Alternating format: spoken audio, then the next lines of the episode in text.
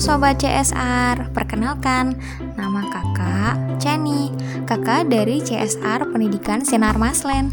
Kak Chani akan berbagi cerita setiap hari Senin pukul 8 Nah, sekarang kita dengerin yuk ceritanya.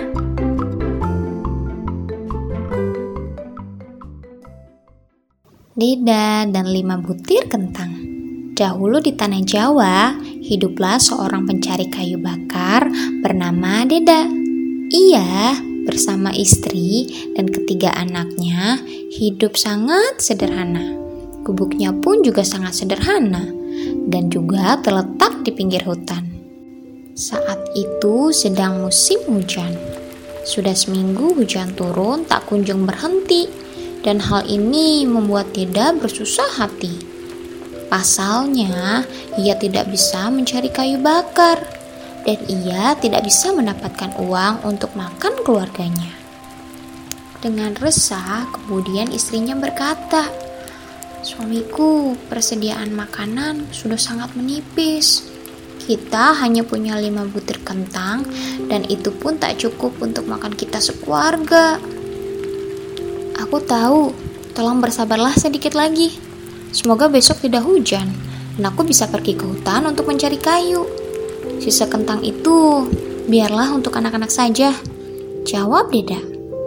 Sore itu, ada seorang pengemis yang kedinginan dan juga kelaparan mengetuk rumah Deda.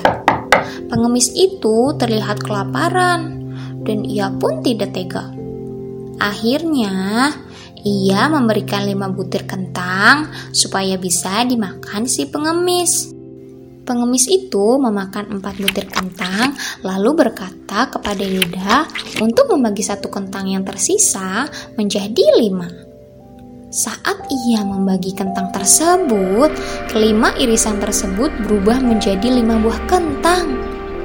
Jika satu butir diiris lagi, maka akan bertambah terus. Karena keajaiban tersebut, kini keluarganya tidak kekurangan lagi.